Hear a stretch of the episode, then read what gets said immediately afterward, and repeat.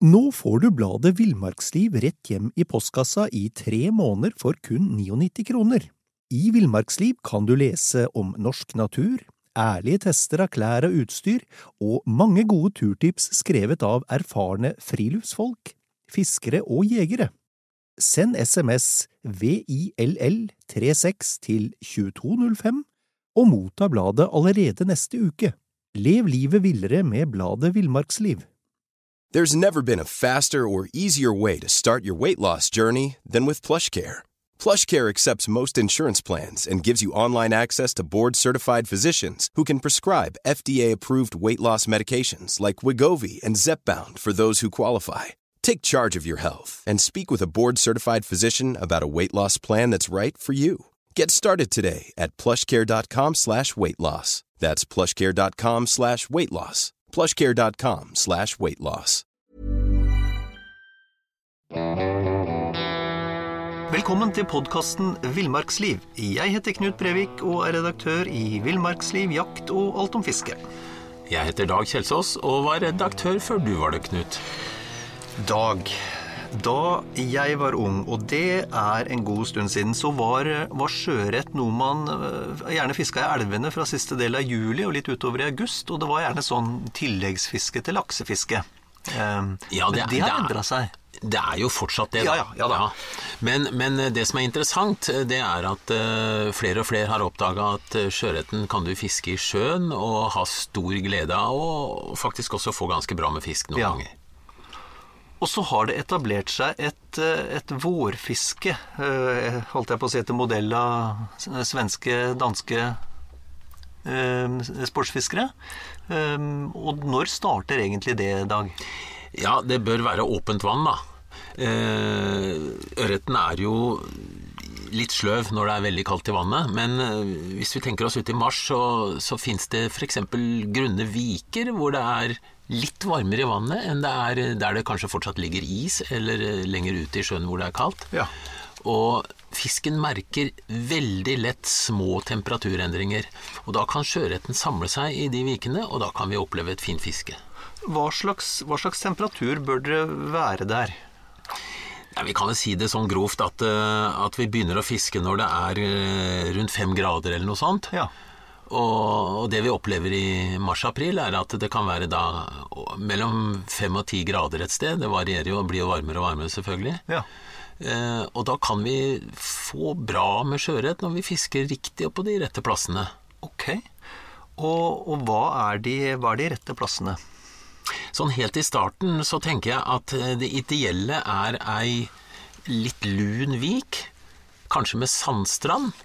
Faktisk samme sted du gikk og smygkikka på, på damene i badesesongen. Ja, det kan jeg ikke huske. Nei. Eh, og der er det gjerne litt tang, litt steiner, kanskje noen som stikker opp, men iallfall forholdsvis grunt og, og rolig og fint. Og der går eh, sjøørreten og koser seg i den perioden. Ok. Og, og, og hvor langt fra land snakker vi da?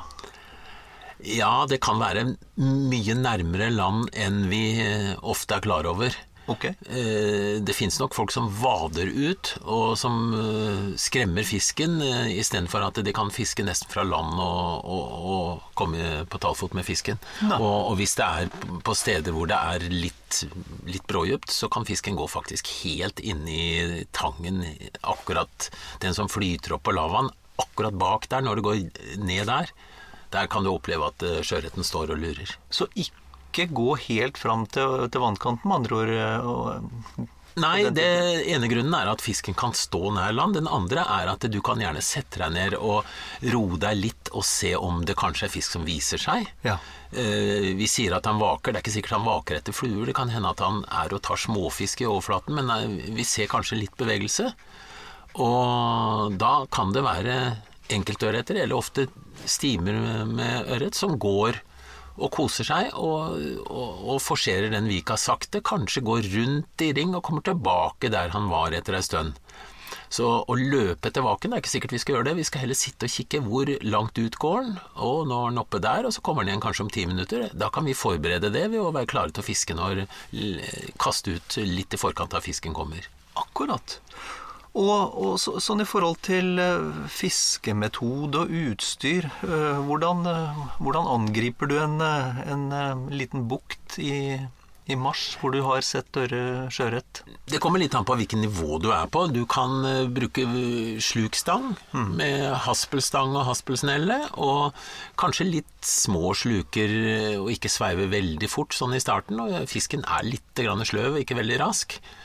Og så kan du kaste, kaste rett og slett sluk og, og oppleve et fint fiske. Eller du kan være fluefisker og ha dine spesielle selvbundne rekeimitasjoner og, og få glede av det. Ja.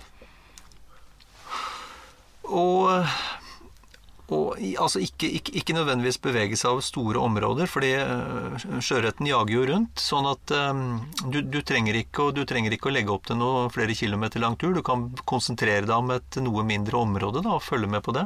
Det, det er absolutt en eh, Det første forsøket bør være der, men det kan jo være at det ikke fins fisk akkurat der du har valgt, pga. at det er kaldere vann enn du trodde, eller av en eller annen, annen grunn. Og da, da er det klart, da, da har vi kanskje et område vi kjenner hvor vi kan vandre og finne neste vik, eller prøve kanskje litt også ut på oddene. Men eh, i starten så er det ofte rolig vann som eh, kanskje sola varmer opp kanskje én-to grader mer enn vannet lenger ut, og det kan være nok til at sjøørreten samler seg der. Den differansen er nok til at Ja, fiske, fisken er veldig følsom på temperatur. Men vil det si at man, man strengt tatt bør ha med seg et termometer da, og, og måle vanntemperatur i løpet av dagen? Det er ikke noe dårlig idé at du sjekker eh, hvor det er litt lunt eh, og varmere vann, ja. Når på, når på døgnet bør vi være ute her, da? Hvis vi snakker om nå dette startfisket, da, sånn eh, det første fisket vi, vi prøver etter isen har gått, eller det begynner å bli litt lunk i vannet, Ja. eh, da kan vi gjerne fiske midt på dagen. Ok. I, gjerne i solskinn, faktisk. Hvis det er helt stille, så er det jo vanskelig å fiske i alle sammenhenger. Det bør være litt grann bølge, for fisken blir sky hvis det er helt stille. Men, men eh, i alle fall, eh, fint vær er ikke dårlig. Men, men, men den er sky fordi den blir mer bevisst omgivelsene, fordi den ser lettere hva som skjer? Eller ørreten generelt blir jo skremt av plasking med sluk, eh, skygger fra oss som syns bedre, det Ja. ser oss kanskje i silhuett. Det er mange sånne detaljer. For ørreten er jo en luring. Han, eh, han, han blir redd. Av, med god grunn, da. Hmm. Hvis, hvis vi bråker. Vi har jo ikke noe godt i godt, gode hensikter. Ålreit. hva med hva med vind? Altså, du, har- du har nevnt at det er greit med litt vind, men er det noe, er det noe forskjell i forhold til eh, vindretninger? Ja, vi har jo gjort eh, forsøk på innlandsørreten når det gjelder eh, vindretning som er bra, og nordavind er jo generelt ikke veldig bra. Hei, de sier det. Ja, så eh, sørøstvind er eh, erfaringsmessig mye bedre, men vi skal ikke henge oss veldig mye opp i alle sånne regler, for da ender vi opp med at vi nesten aldri kan fiske. Ja, nei, det er noe med det. Så, så jeg har fått sjøørret i nordavind, bare for å si det. Ja, ja. Ok, eh, altså sluk, små sluker. Eh, vi har vært snakka litt, om, litt om fluefiske. Hva med, hva med agnfiske? Ja, du kan fiske absolutt sjøørret på samme måte som du fisker innlandsørret, med dupp og mark. Ja. Det går fint. Eh, ulempen med saltvann er jo at den meitemarken, den, han dør og Altså, det er forskjell på saltinnholdet i den og i vannet rundt, så, Ja, ja. så du må skifte mark ganske ofte. Men det går absolutt an å fiske bra eh, med mark. Ellers så i sjøen så bruker vi da ofte småsild, eh, brisling, eh, som vi agner på en trebelkrok som vi setter fast ved ryggfinnen Ja, ok. Og, og, og lar den flyte. Og den bølgene vil jo gjøre at den beveger seg litt grann når duppen går opp og ned, ikke sant? Så det er også en metode vi kan bruke. Så ikke noe bevegelse, altså bare, bare kaste ut på samme måte som vi fisker med dupp i et eh, duppemark i et eh, innlandsvann. Um, hvor, hvor, hvor lang fortom er det, er det vanlig å bruke på Eh, det kommer an på Hvis vi snakker om vårfiske, så, så kan det være forholdsvis grunt.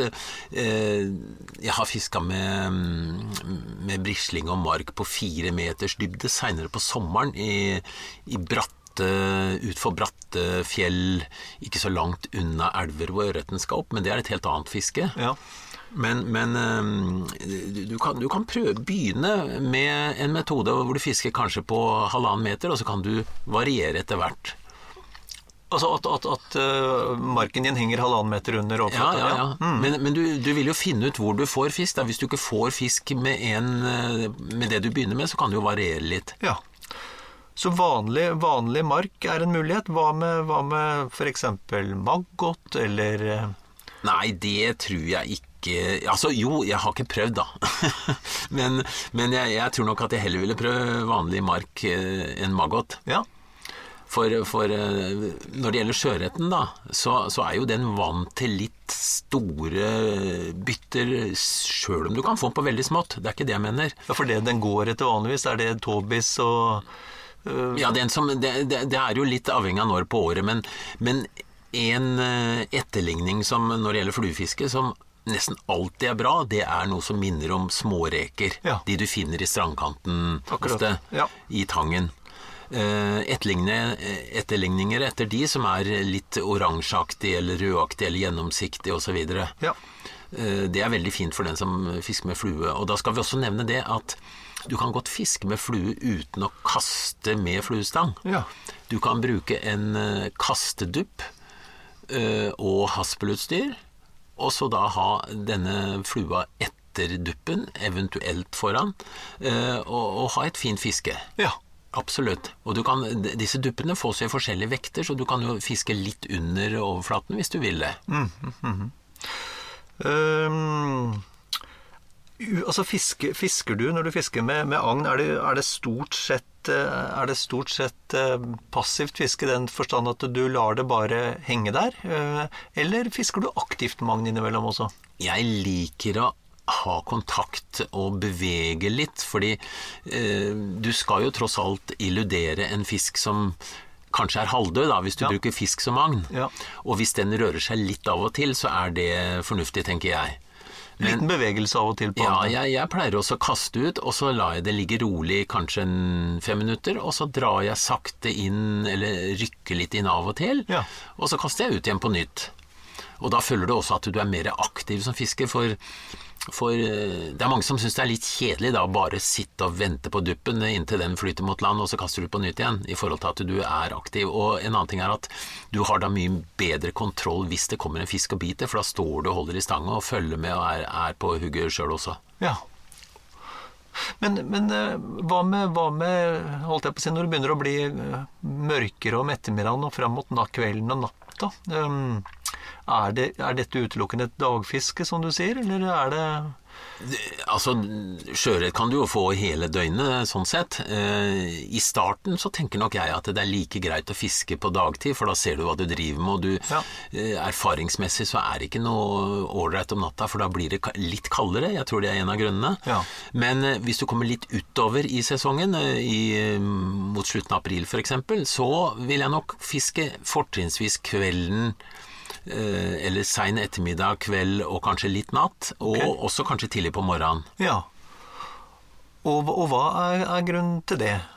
Jo, det er jo at, at nå, har, nå har det blitt varmere i vannet, fisken har fått et annet bevegelsesmønster og jaktmønster.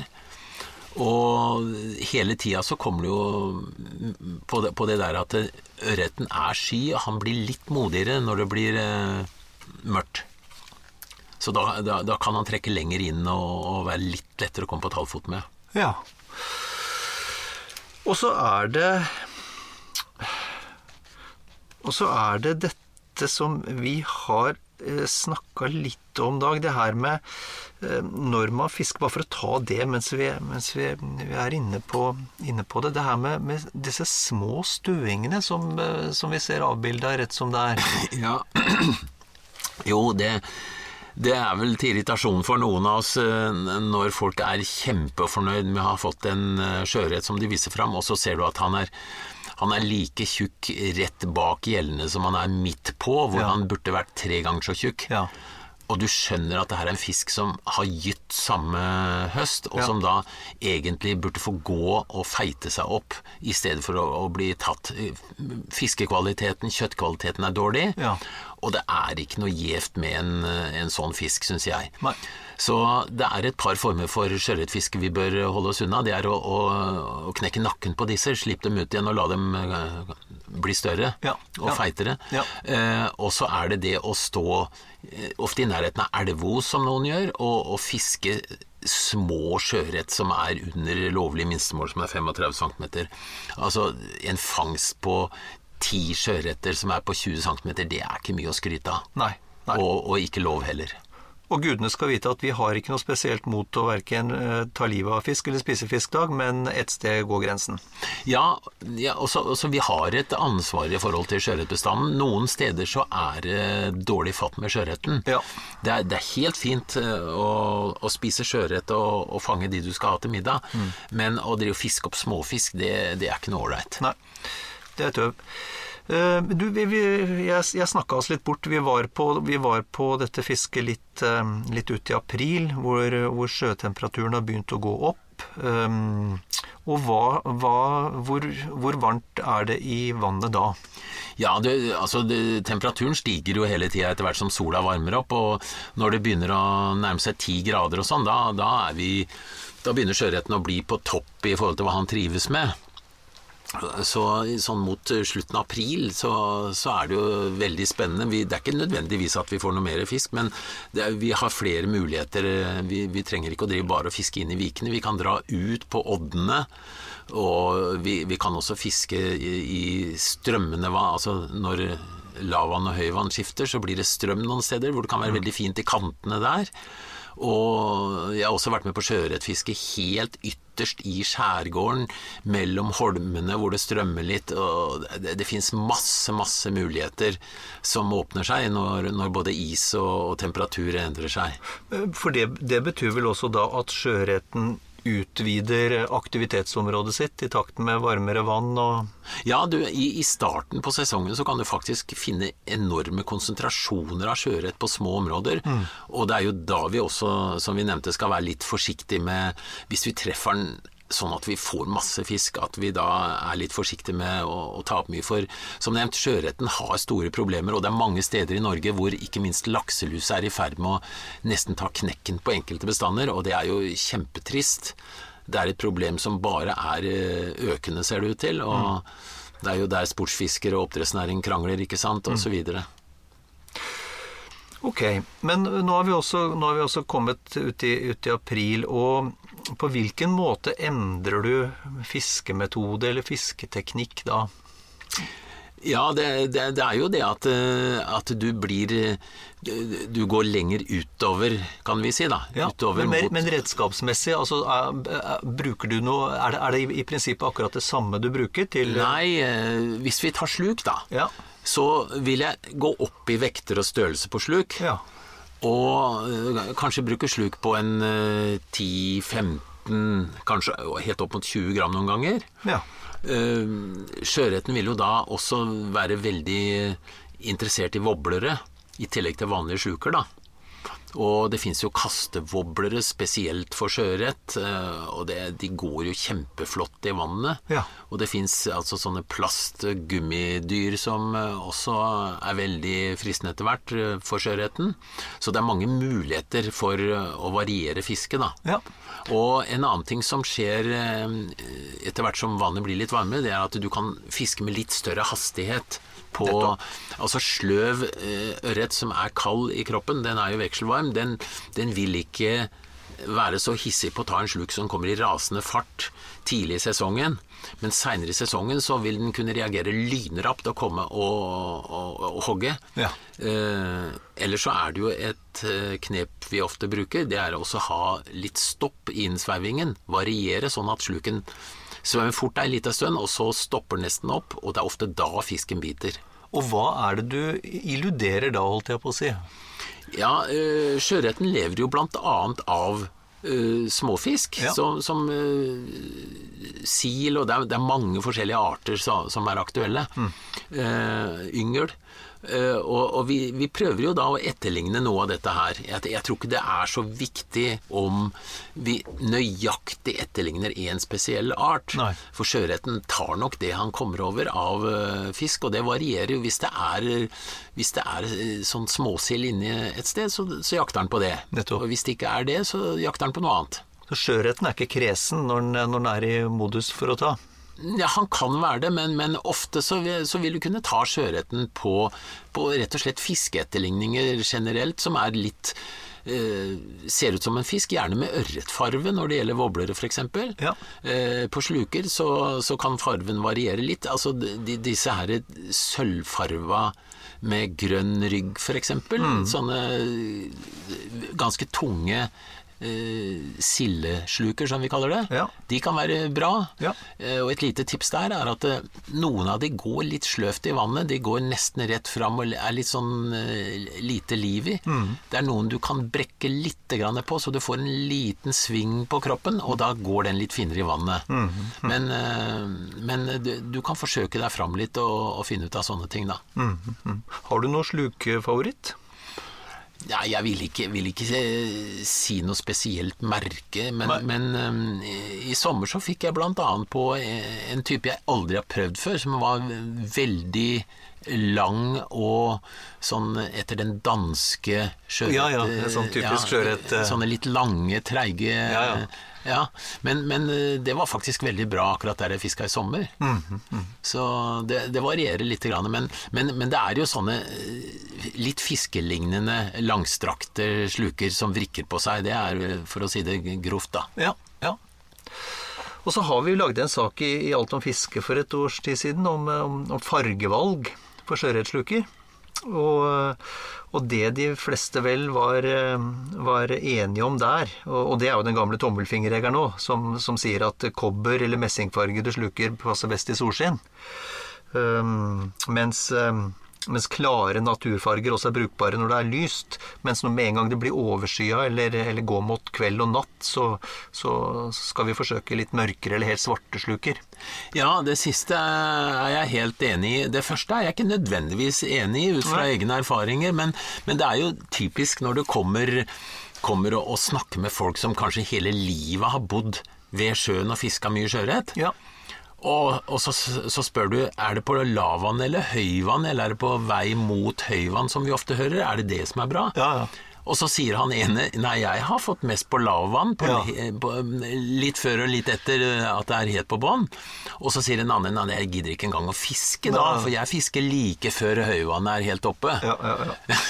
så, men det er det morsomme med fiske, da. Vi, vi tror på noe, og så fisker vi da kanskje riktig på det vi tror på, og så blir det bra, men andre kan få på under andre forhold.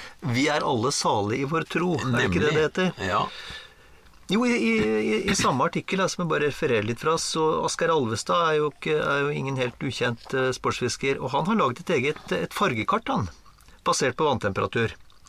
Og er det varmt i vannet, uh, så mener han at sluker med farger som svart, brunt, oliven og blått fungerer best.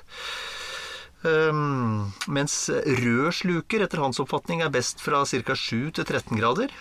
Mens kaldere vann enn det krever sluker med kraftigere farger. Ofte sånn fluoreserende i grønt, gult, oransje og helt hvitt. Og teorien bak det er at sjøørreten er litt tregere i kaldt vann, og derfor trenger sterke farger for å trigge et hogg. Ja, det var akkurat det jeg tenkte på mens du nevnte det, at eh, sterke farger kan trigge, og da kan du også bruke farger som er, skal vi si, unaturlige, da. Mm, det, er, det, det er ikke, selv i sjøen så er det ikke alltid du finner noen fisk i de fluoriserende grønne fargene, altså nei, det, det fins ikke, men, men fisken blir trigga fordi det det er et eller annet som irriterer eller som vekker opp jaktlysta. Det Trigger et instinkt. Ja. Mm. Ålreit. Uh, Hvordan uh, nå, Vi er fremdeles i, i, april nå. Det har blitt litt varmere i, i vannet. Fisken er mer spredt utover store områder. Og, og du har nevnt odder, og du har, du har nevnt litt sånn trange sund, hvor det er litt bevegelse i vannmassene. Um, hva slags andre, hva slags andre terrengtyper, eller, eller skal, skal, skal, vi leite etter? Uh, jeg var jo inne på det der med, med hvor det strømmer i vannet. Ja. Det varierer veldig i sjøen hvor det er strøm i forhold til høy- og lavvann. Mm. Å finne områder hvor det er litt fart i vannet, og, og på kantene av disse. Mm. Eh, det føres jo ofte næring med når det strømmer. Og da vil fisken være på den sida det strømmer mot, ikke sant? Sånn, mm. hvor det bringes eh, mat. da. Ja. Så det er fine områder. Ellers er det jo den berømte Marbakken. altså Det er et, eh, en betegnelse på hvor det går fra relativt grunt vann til relativt brådypt. Mm, mm, mm. altså en, en sånn kant. Og, og, det er et typisk sted hvor, hvor du kan finne ørreten. Da går han gjerne akkurat på det grunne, men han har mulighet for å stikke han ned mot dypet. Mm, mm. Og det er nok også der hvor han kan finne litt liv på, på småfisk og andre bytter. Mm, Så å finne sånne steder, det kan være veldig ålreit. Og hvis du har funnet et sånt sted, eh, det ser, eh, ser ut som et interessant plass med, med en marebakke, eh, hva, hva vil du, hvordan vil du foretrekke å fiske av et sånt område til å begynne med? Hvis, la meg si at det er, som, som du finner mange steder, da, det er ganske grunt. Mm. Og så har du vadebukse da, og kledd på deg godt så du ikke fryser. Ja. Og så vader du utover, og så ser du at det begynner å bli sånn uh, mørkegrønt litt lenger ute her nå. Mm. Da nærmer du deg den kanten. Uh, og da vil jeg begynne å fiske forsiktig før jeg iallfall har vada for langt. Fordi ja. ørreten ser jo uh, Hvis det er klart vann, så ser jo han ganske langt under vannet, og da ser han de sterkete beina dine når du kommer, ikke sant? Mm. Så, så da, da, vil jeg begynne å nå får du bladet Villmarksliv rett hjem i postkassa i tre måneder for kun 99 kroner. I Villmarksliv kan du lese om norsk natur, ærlige tester av klær og utstyr, og mange gode turtips skrevet av erfarne friluftsfolk, fiskere og jegere. Send SMS VILL36 til 2205 og motta bladet allerede neste uke. Lev livet villere med bladet Villmarksliv. There's never been a faster or easier way to start your weight loss journey than with PlushCare. PlushCare accepts most insurance plans and gives you online access to board-certified physicians who can prescribe FDA-approved weight loss medications like Wigovi and Zepbound for those who qualify. Take charge of your health and speak with a board-certified physician about a weight loss plan that's right for you. Get started today at plushcare.com slash weight loss. That's plushcare.com slash weight loss. plushcare.com slash weightloss. Fiske på, på, god avstand. Og så vil jeg fiske, hvis det er strøm der, så vil jeg fiske på tvers av strømmen og systematisk fra den ene til den andre sida. Eh, kanskje også prøve først å fiske forholdsvis høyt i vannet. Ja. Og så i neste runde, la, hvis det er sluken du fisker med, ja. la den synke lenger ned, kanskje telle til fem-seks før du begynner å sveive så får du fiska et litt djupere lag. Og hvis ikke det nytter, så kan du da bytte til eh, en annen sluk, eh, prøve igjen, og så ikke, ikke nifiske da hvis det viser at det, det her skjer, det skjer ikke noe, for da ene er at det er ikke fisk der, eller kanskje fisken vil ikke ta noe. Og da heller ta en pause, eller finne et nytt sted. Men, men, bare for å holde oss litt før vi finner et nytt sted. Um, av og til så, er, så, skjer jo det du sier. Man fisker og fisker. Man fisker metodisk. Man prøver litt forskjellige dybder, litt forskjellige hastigheter. Fremdeles ikke noe uttelling. Er det da noen triks man kan gjøre? Altså Kan man eksempelvis, kan man eksempelvis bytte ut, uh, bytte ut trebbelkroken med en liten fortoms, fortomsbit med en enkelkrok enkeltkrok og en, en mark i enden, eller ja, hvis vi fisker med sluk, da, siden vi er der først. Ja. Da ville jeg satt på ei flue en uh, halvmeter foran sluken. Nettopp. En opphenger. Ja. Gjerne med en sånn knute at den kan gli eh, At flua med den fortommen kan gli mot sluken hvis fisken biter på. Det må være motstand, ja. så, men, men eh, hvis du har ei tørr scene, så vil du slite sena som kan ryke hvis du gjør det. Men når den er i vannet, så vil den ikke Der, der blir det overført varme, sånn at det er ikke noe problem at den glir langs lina. Så, så, da vil jeg brukt det. Okay. Og, og, så vil jeg Og hva slags flue vil du satt på da? Da ville jeg satt på kanskje en liten rød rekeimitasjon på en par-tre centimeter. Ja, ja. Og så vil jeg fiske litt rykkevis, omtrent som den fisken etter da, som er sluken din. Nettopp. Den driver og, og jobber, men får ikke tak i den invitasjonen. Og akkurat det lille knepet med den fortommen det, og, og med ei flue på, det kan være utslagsgivende. Ja, For det trigger på en måte konkurranseinstinktet til Eller konkurranseinstinktet er feil, men altså ma matvettet da, til sjøørreten. Det er en Ja. annen som er i ferd med å Jeg har, eh, som jeg pleier å si, jeg har aldri vært en fisk, men jeg innbiller meg i hvert fall at den tror at det er en annen fisk som prøver å ta den flua, og den skal søren meg jeg ta isteden. Ja. det, er- det er sånn vi kan tenke rent menneskelig, da. Ja. Morsomt, eh, morsomt knep. Og det er jo, det er jo fakta at bl.a. blant annet at fisk samarbeider om å jakte, så det er ikke noe uvanlig at de er oppmerksom. Du kan se når du er i sjøen og plutselig så spretter småfisken høyt til værs, for de kommer mange fisker under og skal angripe. Mhm, Det er på en måte, de gjør ting felles. Og vi kan tenke oss kanskje litt at sjøørreten kan være, om det, ha litt av de samme genene. At Ja, ja. han er ute og jager og ser at en annen har, har funnet noe, det skal jeg være med på. Ja. Vi unner ikke vår neste noe. Nei. Men ok, men det er, det er spennende, Dag. Um, hvis det fremdeles ikke fungerer Ja, da, da ville jeg kanskje gått over til, til rein flue. Ja. Eh, på fluestang, eller, eller med en sånn bombardadupp eller noe, en kastedupp. Og så da sveive inn eh, under forskjellige omstendigheter. Litt rykkevis. Prøve forskjellige høyder i vannet. Du får jo dupper som synker fort og sakte, og noen som flyter. Så du får variert. For det, det viktige er egentlig å knekke koden og finne ut hva er det sjøørreten er interessert i akkurat nå. Nettopp. Ja. Og hvor, hvor er eventuelt sjøørreten nå? ja. Men du nevnte bombardadupp. Hva er det? Nei, altså det er en dupp som, som du kan eh, tre lina gjennom, og som du, du kan variere avstanden til, eh, til flua. Ja. Og det er på en måte bare et hjelpemiddel for å få flua langt ut med slukredskap. Ja. Og disse duppene er eh, gjennomsiktige, så da tenker vi at da bryr ikke fisken seg så mye om dem heller. Nei. Bruker det som en kastevekt. Ja. Ja. Ålreit. Men, men det du sier med, med å knekke koden, er jo Det er vel på mange måter litt, eh, litt nøkkelen her. Eh, Jobbe metodisk med ulike teknikker og metoder, ulike farger, innsvevingshastighet, for å finne ut hva det er som trigger sjøørreten akkurat den timen, akkurat den dagen du er der. Ja, og, og så skal vi ikke heller glemme det at fisken har bedtider. Det er noen ganger det kan være masse fisk der, og du får den ikke til å ta. Så, så da, da går det faktisk an å slappe av litt. For hvis du har sett, merka at det er fisk, kanskje fisken har gått etter noen ganger, men vil ikke ta, han virker litt sløv. Uh, kanskje du har sett en hel stim fyke forbi, men, uh, eller, eller gå sakte forbi uten at, den, at det skjer noe. Ja. Så da kan du vente litt, roe det litt. Det kan hende fisken har sett sluken din og er dritlei å se på. Ja, Nei, lei den sluken din! Ja. Ja, for det er jo litt fortvilende det der, Dag. Du kan, du kan se mye fisk. Det kan, du, det kan være flust med fisk. Du får den ikke til å bite uansett hva du gjør. Jeg skal si deg en ting, Knut. Hvis du hadde visst selv dine sluker, hvor mange fisker som har sett dine sluker uten å ta Ja, Det er ikke mange, Dag. Jo, jo, jo, jo, jo. Det er haugevis. Men, men hvordan skulle livet vært da hvis alle sjøørreter tok hver sluk de så? Da hadde det ikke Ja. vært igjen noe sjøørret omtrent.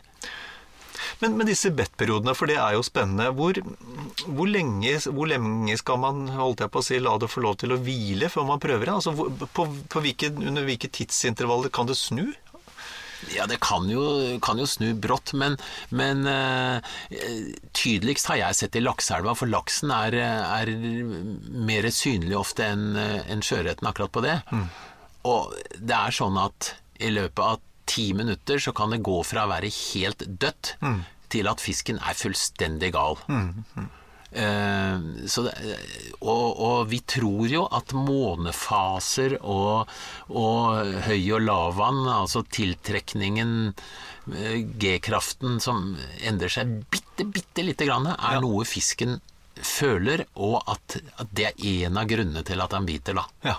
Vi veit at det gjelder på laks, ut fra forskning eh, mer eller mindre som er gjort på det, men på sjøørret er det litt mer sånn flytende. Men eh, det er ikke tvil om at noen ganger biter fisken, andre ganger så biter den ikke. Og, og litt ut i sesongen, eh, som vi har sagt, så er det nok en av, av de eh, faktorene som er utslagsgivende, det er at det går mot kveld. Eh, da har fisken og ørreten lett for å bite. Og vi skal huske på én ting. Sjøørreten er samme fisken, samme arten, som vi har i Mjøsa f.eks. Mm, mm. Det er ørret. Ja. Ok, men eh, vi er, altså, vi er altså langs kysten, og vi har knekt koden. På det tidspunktet har vi gjort det i dag. Nå har vi knekt koden, ja. og vi har fått en, eh, vi har fått en, en sjøørret på kroken. Hvordan berger vi fisk? Altså, berger vi fisk i litt eh, Det kan jo være litt ugreie, bratte områder her med svaberg og Helt ufarlig er det heller ikke. Men, men hvordan berger vi fisk? Ja, når, når, det gjelder eh, Vi snakker, har jo på en måte snakket mest om nå om, om vårfiske. Ja. Og det kan faktisk være dritfarlig. For det første så er det glatt i, i området der vannet slår inn over land osv., eller i Tangen. Uh, og det kan være is også i noen tilfeller, for vi, vi, kan jo begynne det fisket så tidlig at det kan være kulde på land selv om vann, vannet er varmt nok til å fiske. Ja. Uh, så det å ha med seg en kombinert vadestav og sikringsstav med en spiss som vi kan bruke til å hjelpe oss å sikre at vi holder balansen, det er ikke dumt. Jeg har jo faktisk vært med på sjøørretfiske hvor vi har bindet oss fast med tau og hatt det som sikring for å hindre at vi tryner i sjøen. Ja, ja. For uh, hvis det er eh, fire-fem grader i vannet, det er ikke innmari gøy da å gå på huet i der og kanskje slite for å komme opp igjen. Nei, fordi, fordi nå skal ikke jeg være noe festbrems på noen som helst måte, men det er klart at det, det kan være veldig ugreit. Og det her sier jeg ikke for å være morsom i det hele tatt, men det kan være veldig ugreit å ramle ut i sjøen i, i mars-april uh, og ha en ganske sleip sleip Eh, bergvegg og skal forsere for å komme seg på land igjen. Og det kan bli mer enn faktisk ugreit. Det kan være livsfarlig. Ja da, det, det, det er faktisk eh, verdt å tenke på det at du, skal tenke litt, litt på sikkerhet. Mm, -hmm. Og det, det, består i at du, du, kan bruke brodder eller støvler. Du får jo støvler med pigger under. Mm. Eller vadestøvler med filt som sitter veldig godt på, på stein osv. Flytevest. Flytevest, ikke minst. Og kan, hvis det er to, så kan du ha sikringsline som du kan kaste ut, og, så folk kan dras inn. Mm, mm. Så tenke litt på sånne ting. Ja. Lurt, lurt, å ha en kompis å fiske med, da, uansett. Ja, uansett er jo det hyggelig, men, men med tanke på sikkerhet òg. Ja, særlig, særlig, når du fisker sånn, skal vi si, litt vågalt. Ja. For, for, det blir jo ofte sånn at vi, vi skal tøye grensene litt, grann, da. Vi tror jo det at fisken står på andre sida, og at han står akkurat der det er farligst å fiske, og hvor det slår verst osv. Mm. Enten vi veit det eller, eller, tror det, men, men, det er sånn altså. Ja, dette er jo helt teoretisk for deg i dag, for du har jo aldri tatt noen sjanser. Nei, nei, nei. Jeg har aldri fått et blåmerke. nei da, så jeg skjønner det. Men, men i hvert fall, har, nå, har vi nå, fått, nå har vi nå fått fisk på berging. Ja, hvis vi, hvis vi sier at vi får på en fisk Jeg er sånn at med samme jeg skjønner at fisken sitter, så begynner jeg å kikke meg rundt. Hvor skal jeg ta inn fisken? Altså, du trenger ikke å ta fisken der du står. Nei. Stanga høyt opp hvis det er kratt eller steiner eller skjær eller sånne ting. Mm. Og så kan du gå fisken til dit du har lyst til å ta den inn. Mm. Og det beste er jo selvfølgelig ei sand- eller steinstrand hvor du faktisk bare kan gå litt på innsida, og så dra den sakte innover, og så spreller den seg inn, og så har du den. Nettopp, ja. Eh, hvis du skal slippe den ut igjen, så må du være litt mer forsiktig, for da må du tenke på at fisken ikke skal ødelegge slimlaget. Ja. Så da bør du gå ut til vannkanten og forsiktig, uten å herje for fælt med fisken, få tak i den og, og få løs kroken hvis du skal slippe den ut igjen. Og ser du at det er en støing, som vi har snakka om tidligere, ja, da, da, skal du gjøre det. Skal den ut igjen, ja. ja. Og det samme hvis han er for liten. Mm. Men, men hvis, du skal, hvis, du skal, ha fisken, så er jo selvfølgelig en langskafta håv også veldig greit å ha, da. Ja. Ja. Så, og hoveteknikk, det, det veit du, det er å holde håven lavt i vannet og så føre fisken inn mot håven, og ikke jage etter fisken med håven. Nettopp. For da jager du den unna, og så er du riktig uheldig, så jager du den av den sluken til slutt, eller flua. Vi har vel no, eh, Noen ganger så har vi sett at kroken sitter fast igjen i håven, mens fisken reiv seg løs akkurat når den kroken festa seg der. Mm, mm. Ok. Vi har, vi har snakka litt om utstyr, eh, men vi har ikke snakka noe særlig om, eh, om snelle, stang og, og sene. Nei. Og hvis vi først tar utgangspunkt i allemannsfiske med, med slukstang, da, ja. så jeg tenker at det er ei stang på rundt ni fot. Ja. Som, eh, som det står jo på stanga hvilke tyngder på sluken den passer til. Ja. Eh, hvis du skal ha ei stang som du skal bruke til sjøørretfiske hele året, så kan du kanskje ha ei som går fra 7 til 20 gram eller noe sånt nå. Ja. Eller 5 til 20. Ja. Eh, hvis du skal ha flere stenger, så ville jeg kanskje tatt ei for ultralett fiske, som kan være kjempespennende. Ikke minst på det første fisket på de grunne, fine strendene. Ja, ja, ja. Eh, som tar sluk på 3 til 12 gram, f.eks. Ja. Og den andre stanga da kanskje ja, 10 til 30-35 eller et eller annet. ja. Eh, det er viktig at stanga da står i stil med den eh, Altså passer til den tyngden du fisker med, da. For eh, da, da Ja, det blir som at Du gidder ikke å gå langrenn med hoppski, liksom. Nei, nei. Så, så Du gjør det i hvert fall bare én gang. Ja. Og ikke vinner du heller. Um, Haspelsneller til det lette fisket, det, det stå, de har jo sånn betegnelse på 1000 osv. Så, videre. Ja. så 1000 til 2000 kan være for det lette fisket, og 2000 til 3000 for det litt tyngre fisket med sluker kanskje på 15-20 gram. Ja. Uh, så hvis du skal drive med forholdsvis uh, Hva for my- sene. Eh, Det bør vi ja, også La meg bare ta det Ja. med duppfiske. Ja. Da, da bør du ha en lengre stang, kanskje 10-11 opp til 12 fot, Ja, ja. som, som tåler litt tyngre saker, 20-50 gram. Eh, Men, men over til eh, sene. Du sier sene. Jeg liker å fiske med line, som jeg kaller det. Altså sånn multiline som Ja, har mange ja. fiber som er fletta sammen. Ja. Og fordelen med det er at de skjærer vannet så fint, Mm. Og er mindre synlige for fisken, for de er så tynne. Du, altså 0,12 millimeter er stort sett greit til sjøørretfiske. Ekstremt Til, sterke. til og med når ja, altså De tåler seks kilo og sånt, ikke sant? Ja, ja. Så, så øh, du trenger ikke å gå opp i, i tykkelse. Du kan godt fiske med, bare med sene, og det er ikke noe gærent i det. Og du kan få fisk på det, for all del. Eh, Da bør du kanskje opp i 0,25 millimeter eller noe sånt nå. Nettopp. Ja. Eh, Når du fisker med denne multilina, så jeg bruker nesten alltid en fortom på, på ca. 0,25 da, med, med sene, eller fluorkarbon som det heter, som er usynlig for fisken da. ja. Så det, det, det, er, det, blir et valg om du vil ha mye utstyr, eller om du velger bare ett sett da. Ja.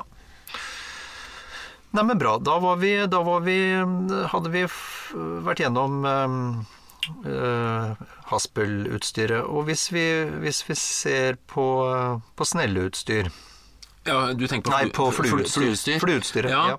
altså eh, Det er jo inndelt i klasser etter tyngden på, på snøret og hva stanga tåler av snører. Ja. Og det, noe av det letteste er liksom klasse 4-5 til sånn ultralettfiske. Ja. Og så har du tungt sjøørretfiske som kanskje er klasse 9 eller noe sånt nå. Ja. Eh, Jeg vil si at en 9,5 fotstang klasse 7 det er veldig greit utstyr til sjøørretfiske i Ja. sjøen. Ja. Og ei, ei snelle Altså, jeg syns at sjøørretsnella til, til fluefiske, den skal romme litt mer snøre enn det du har på innlandsfiske. For det, du kan faktisk råke borti fisker som drar snøret så det holder. Da må du ha mye da, backing. Da snakker vi om at det er ikke bare fluelina som stikker ut, men det er backingen også. Jeg liker å ha i hvert fall 100 meter backing, jeg. Ja. ja. Og, og så da fluesnøre i tillegg. Og selvfølgelig da snøre i samme klasse som stanga, sånn at de passer sammen. Ja. Um, typen fluesnøre er, er noe folk tenker på. ja. Fisken er ikke så veldig ofte oppe og vaker i, i sjøen, og det er ikke så, det, det, du kan treffe det absolutt, men, men sånn gjennomsnittlig så vil jeg bruke et intermediate eller et saktesynkende snøre ja. som da, da fører eh, sammen med tilsvarende fortom fører flua da litt under vannet. Nettopp. Ja. Og, og dette, dette er da et utstyr du kan fiske med omtrent hele sesongen. Ja. Nei, men bra. Ehm, Da har vi snakka litt om utstyr. Vi har snakka litt om sikkerhetsutstyr. Ehm, Vi, vi kan nevne litt om, mer om utstyr hvis vi, vi tenker på at du skal ha et fluefiske som ikke eh, fører til irritasjon. Blant annet en ting som skjer litt oftere i sjøen enn det gjør i innlandet, nemlig at snøret fyker kanskje Det kommer ei svær bølge og tar med seg snøret når du driver og kaster, og drar det ned i tangen, så setter Ja. det seg fast osv. Så, videre. så en sånn linekurv Ja. er ganske ålreit.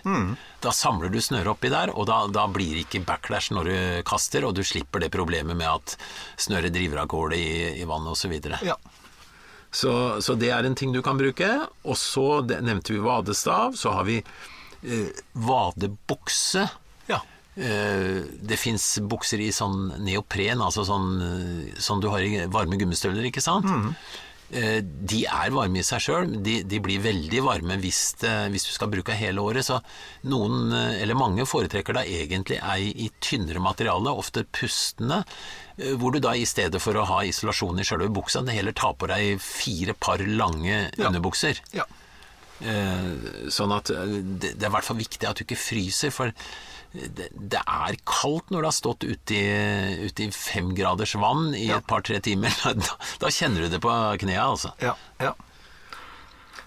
Så- Kanskje også greit, eh, bare sånn skyte inn et lite tips. Uansett syns jeg det er greit eh, når man er ute, enten av sjøørretfiske eller man er langt fra folk i fjellet, så, så ha oppbevar mobiltelefon i en, eh, i en vanntett liten pose.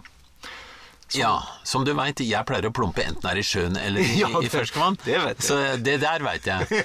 Men, men det er faktisk veldig lurt. Og, og forskjellen på sjøen og innlandet er at det, det kan sprute og, og bli vått, altså. Mm. Eh, Plutselig så kommer det én dønning som er nok til å feie deg nesten over ende. Ja.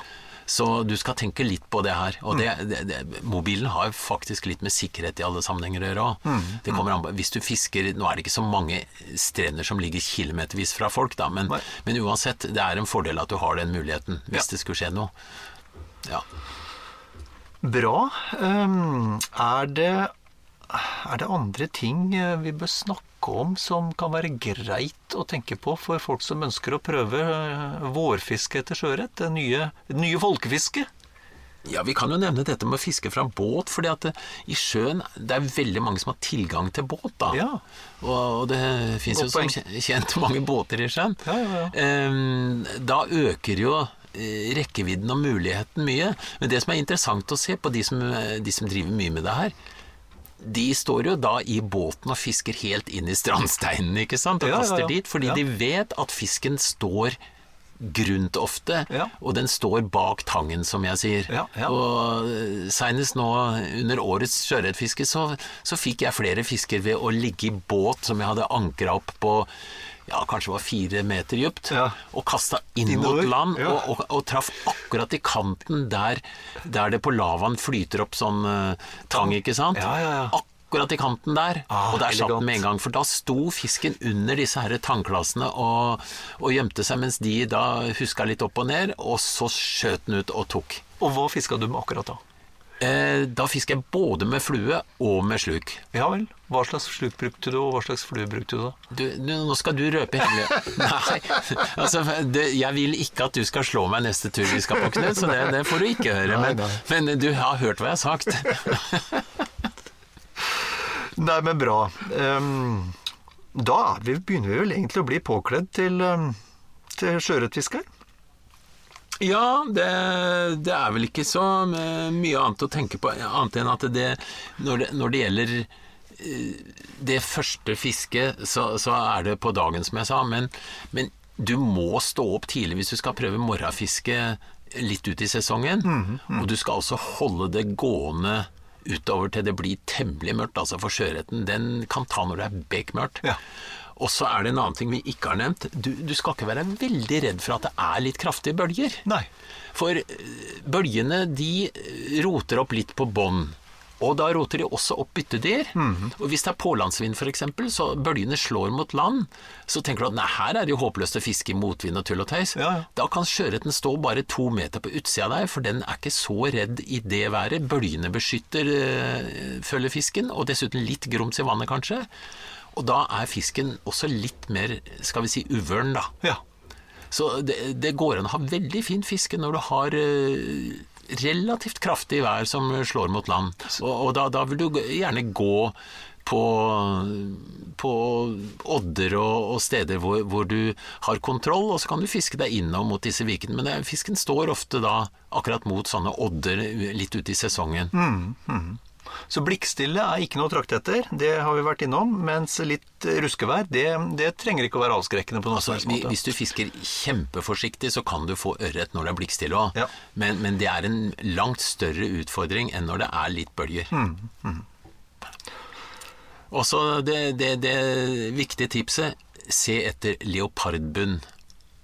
Altså sand, litt steinete, ja. og tang som blanding av dette her. Det er yndlingsområdet for sjøørreten. Det syns jeg var et knakende godt uh, tipsdag. Da tror jeg vi bare ønsker folk skitt sjøørretfiske. Ja, og da er du velkommen hjem til meg når du ikke har fått noe fisk, så kan du få smake hvordan det er. det gleder jeg meg til. Ja, det er bra. Kort og godt se i mørket. Hvordan ser vi i mørket, Dag? Ja, Den som hadde sett ordentlig mørket, du. For vi er jo dårlig utrusta, da. Ja, vi er det. Dyra overgår oss. Men, men eh, det er et par uh, hovedting å tenke på. Det ene er at hvis du er på tur og skal se eller gå uten lykt, mm. da, da, har du ikke ei kraftig lykt som du skrur på litt, og så slokker, og så går videre. For da har du ødelagt nattsynet ditt for en halv time cirka. Ja.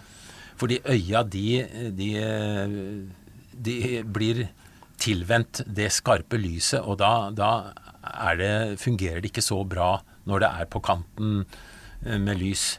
Så eh, vend øya sakte til mørket, og så ser du bedre. Ja. Og hvis du må bruke lys, så kan du faktisk bruke rødfarga Eh, lommelykt med, med, rød farge. Det fins noen lykter som har den muligheten. Ja. Et filter som du drar foran.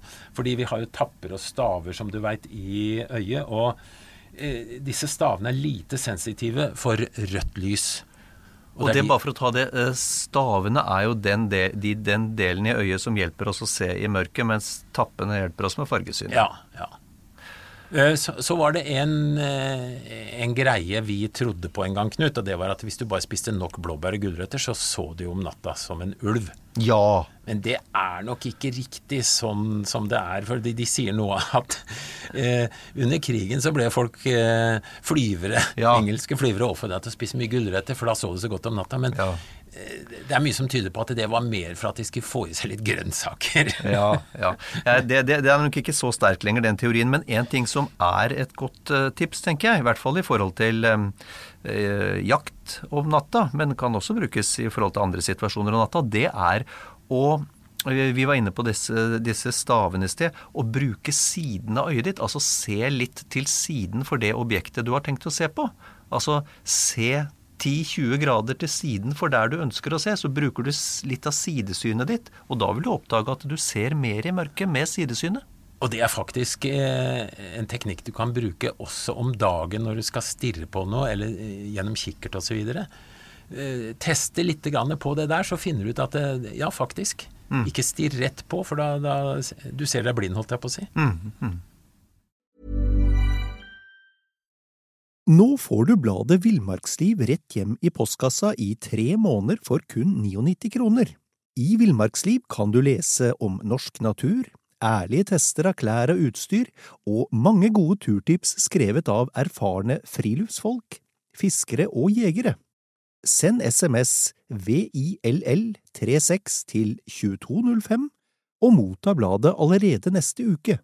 Lev livet villere med bladet Villmarksliv.